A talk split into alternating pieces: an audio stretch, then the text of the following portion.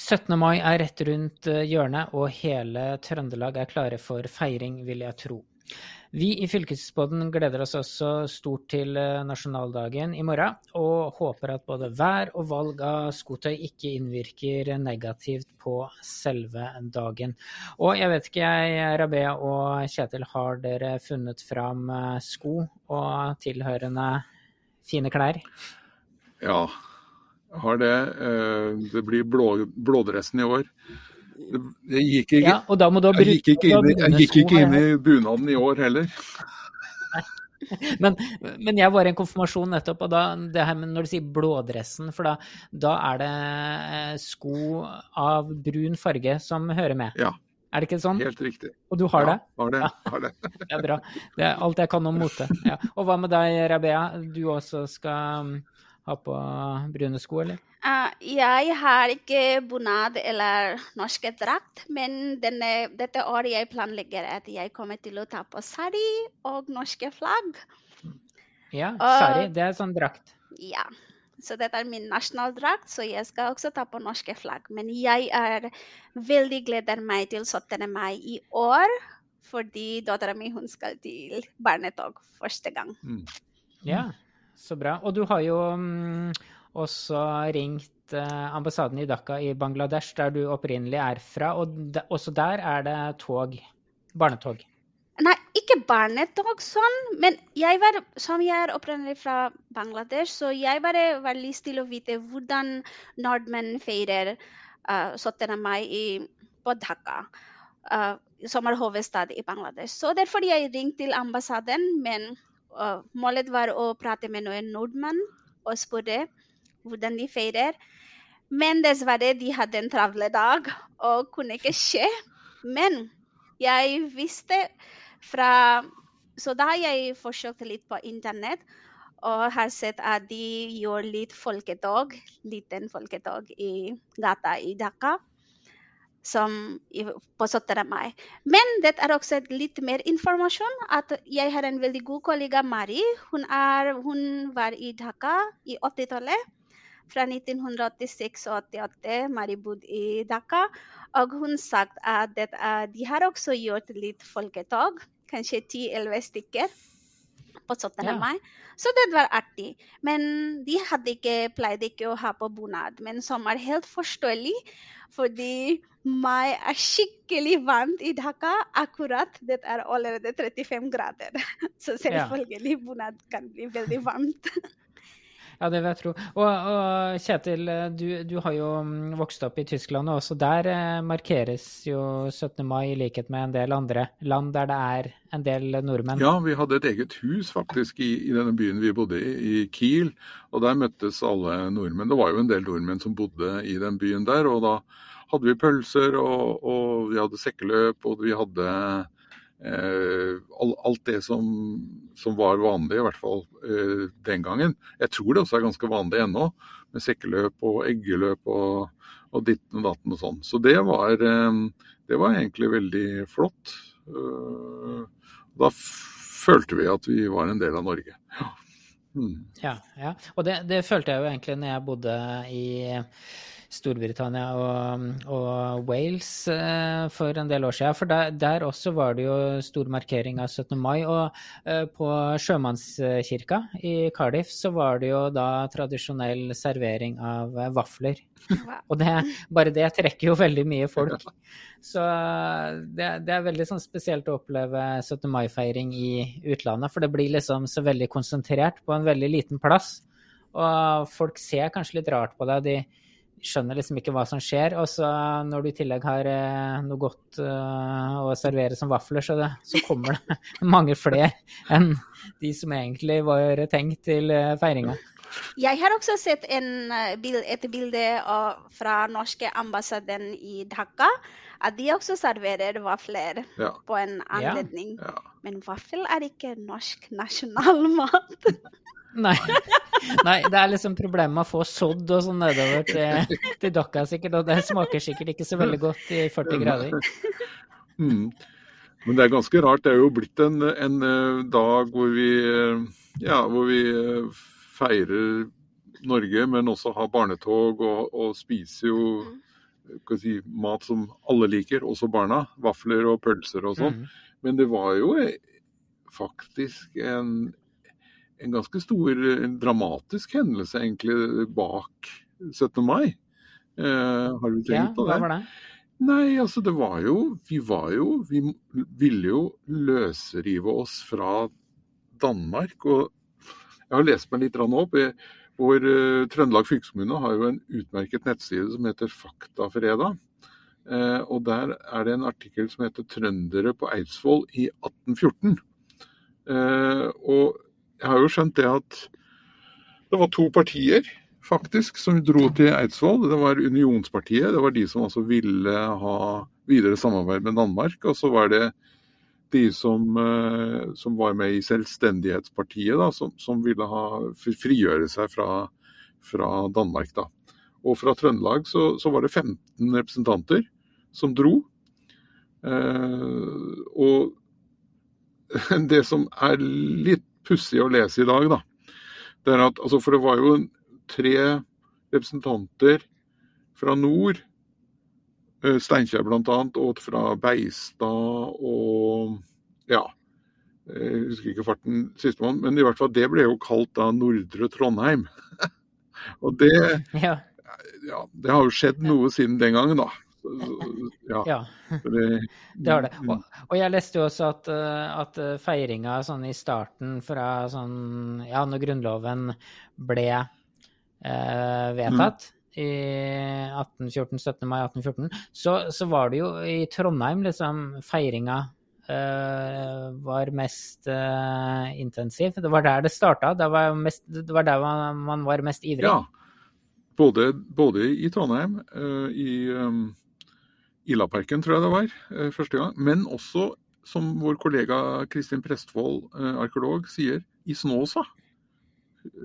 Ja, for der var det første 17. mai-toget, Ja. faktisk. Ja, i Snåsa. Men tilbake til det her med, med den uh, delinga av eh, Trondheim, da, Kjetil, i søndre og nordre del av Trondheim. Hva, hva, hva slags inndeling var det? Jo, altså det, det, hele, hele Trøndelag ble delt inn i nordre Trondheim og søndre Trondheim. Søndre var jo da sør for Trondheim osv. Og, og så hadde du da selve Trondheim. Eh, eh, så var tre fra nordre og tre fra søndre, og så var det eh, to sivile da, eh, fra Trondheim. Eh, og så var det jo da syv representanter fra militærvesenet som var plassert rundt omkring i hele Trøndelag. da. Eh, og, og, og stort sett så var vel trønderne med i dette her, eh, partiet som ville melde seg ut av som, som ville ha altså selvstendighetspartiet, da, som det het. Uh, mens da det var særlig folk innen det militære og noen embetsfolk fra Trondheim som ville fortsette samarbeidet med Danmark. Vi skal uh, snakke om litt uh, andre ting, fordi uh, det har jo nemlig vært en sånn kjempestor markering nå for ikke så veldig mange dager siden. Det I, nord, nordre så- Trondheim. I nordre del av eh, Trondheim, faktisk. Nærmere bestemt i Steinkjer. Der var det en eh, offisiell markering av byggestart for det nye mm, fylkeshuset som kommer der. Og fylkesordfører Toro Sandvik eh, var der. Og jeg, tenker kanskje at dere i Trondheim er litt sånn misunnelige nå på oss i Steinkjer som får dette fine, flotte bygget midt i sentrum. Ja, jeg har jo sett tegningene av det. Det, det er mye snacks i det der huset der, og det kommer jo til å bli plassert så fint. Jeg syns jo Steinkjer gjør mye spennende egentlig i forhold til stedsutvikling. og Nei, så det, det, skal bli spennende å se altså, hvordan dette blir. Det var som sagt fylkesordfører Toro Sandvik som forrige uke uh, sto for den offisielle åpningen av uh, bygginga. Og jeg spurte han om hvilken betydning et slikt bygg får for hele Trøndelag fylkeskommune. Først og fremst så blir det et moderne og tilpassa bygg til den virksomheten vi driver, og dem som jobber i fylkeskommunen. Det, det er alltid bra. At vi, det er 30 år siden vi, vi flytta fra nabotomta til det nye bygget eh, nå kommer opp. Og på den tida så har arbeidslivet utvikla seg. Eh, Men det viktigste er jo, i tillegg til at det skal bli en god arbeidsplass i et moderne bygg, eh, er jo at vi nå bygger administrasjonsbyen Steinkjer. Eh, vi kommer tettere på kommunen, på Nav, som har hovedkontoret for Trøndelag her, på Statsforvalteren, som er her, på InnoCamp. Så vi bidrar til å bygge opp ja, kompetansearbeidsplasser som er i nærheten av hverandre. og det gjør at attraksjonskrafta til Steinkjer øker. Eh, ofte så er det sånn at folk som jobber i fylkeskommunen, også kunne ha jobba i kommunen eller på universitetet eller ja, i staten. Eh, så vi lager da muligheten til å skli litt imellom og ha en jobbkarriere imellom. Vi gjør at eh, arbeidsmarkedet kommer tettere på hverandre. Det tror vi kan påvirke bylivet. Men ikke minst så lager vi et tyngdepunkt som gjør det lettere å rekruttere kompetanse til Steinkjer få kompetanse til å være igjen på Steinkjer. Og bygge en buffer imot eh, Trondheim, som har i seg sjøl så stor gravitasjonskraft. Så eh, kombinasjonen av det at vi nå er med på å lage administrasjonsbyen Steinkjer, sånn som vi lovte i intensjonsavtalen, at vi nå fullfører de kapitlene av intensjonsavtalen som går på at Trøndelag skal ha et synlig avtrykk i Steinkjer utover fylkeskommunen. Det skal være et administrativt tyngdepunkt. Eh, for flere etater og virksomheter. Eh, og vi, vi bidrar til det. Men har ikke Steinkjer vært den administrasjonsbyen den eh, egentlig var tenkt å være fram til i dag? Den har gradvis blitt det. Det har først og fremst å gjøre med antallet folk som jobber i, med, administrasjon i offentlige etater. Og så har vi også utfordra kommunen på at kommunen må være bevisste. Det holder ikke bare å ha et kommunehus, det har alle norske kommuner. Eh, og så er jo Nav her, da, på hovedkontoret, og, og Statsforvalteren. Men ikke minst også de miljøene som er knytta til Nord universitet og rundt uh, InnoCamp. Eh, for det er jo eh, kompetansearbeidsplasser som så drar til seg ny eh, virksomhet og aktivitet. Eh, så jeg tror at Steinkjer må være seg bevisst på å bygge opp om at de skal være administrasjonsbyen. Det skal være et merkevare ved, ved Steinkjer. Eh, de har flere merkevarer, men det må være én av dem. Eh, som gjør at når du er nyutdanna, eller hvis du da jobber en annen plass, så tenker du at Steinkjer det er lav terskel å dra dit eh, og få seg jobb. Det, det, er, det, det, er, et tyngdepunkt i, i, i forvaltning eh, som det er mange spennende folk som bor. og det er mulig å, ja, å bevege seg litt mellom jobber her òg. Og det blir jo ofte sagt liksom at det er, det er litt lenger å dra fra Trondheim til Steinkjer enn Steinkjer til Trondheim. Kan et nytt bygg som det her endre på det, tror du?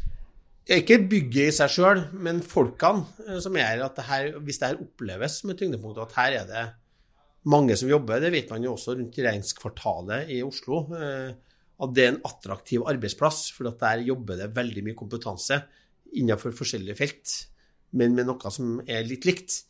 Eh, så det, det å lage et sånt tyngdepunkt ut av det, det, det tror jeg det kommer til å endre. da, og Det bidrar til å lage Steinkjer til en eh, administrasjonsby med stor A i større grad. Eh, og så er det mer som skal til enn det, selvfølgelig, men vi vet at der folk, folk er samla, så oppstår det også ofte ting som man ikke har tenkt over. Eh, det blir kanskje flere kafeer, du får et byliv, du får mer mildere av folk. Og det kanskje finner noen ut på universitetet at man skal starte med noe nytt, som igjen da er litt avhengig av at du har kompetansearbeidsplasser. Når vi skal ha ansatte noen i fylkeskommunen, så er jo ofte kravet at ja, det kommer en til.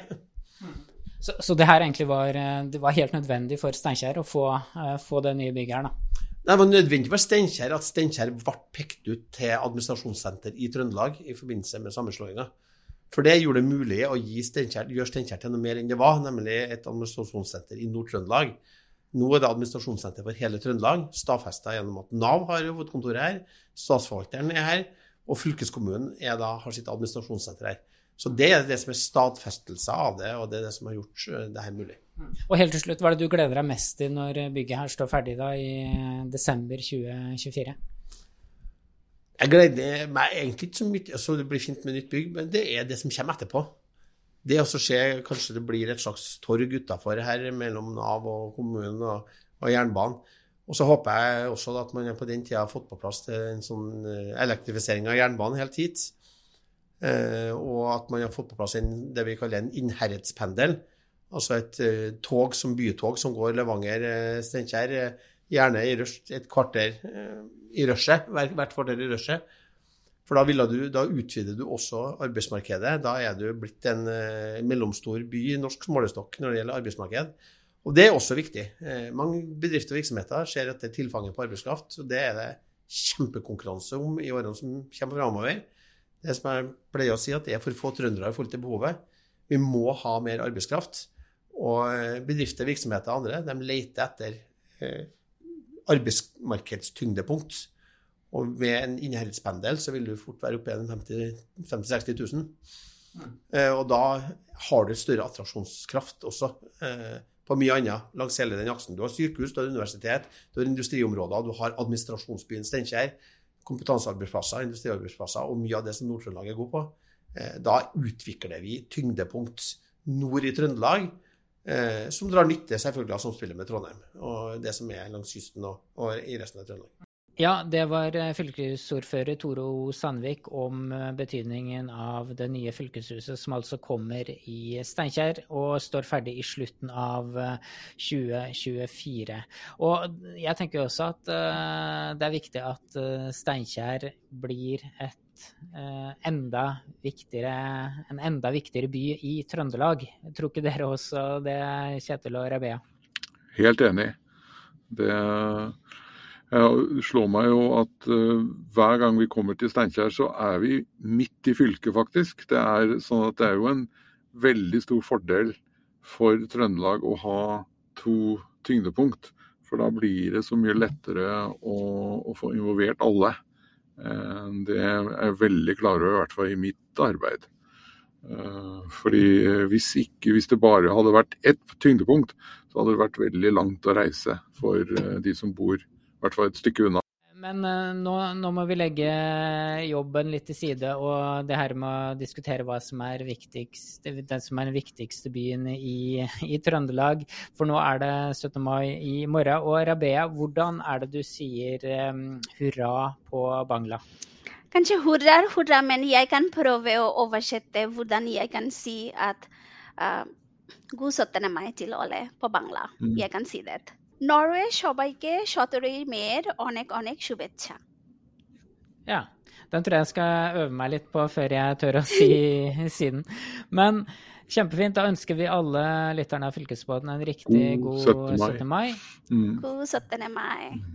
Og her i studio satt eh, Kjetil Hustad, Rabea Katon Kasi og Håvard Seiner. Vi høres om ikke så lenge. Du har eh, hørt en podkast fra Trøndelag fylkeskommune. Hør flere episoder på Spotify eller trondelagfylket.no.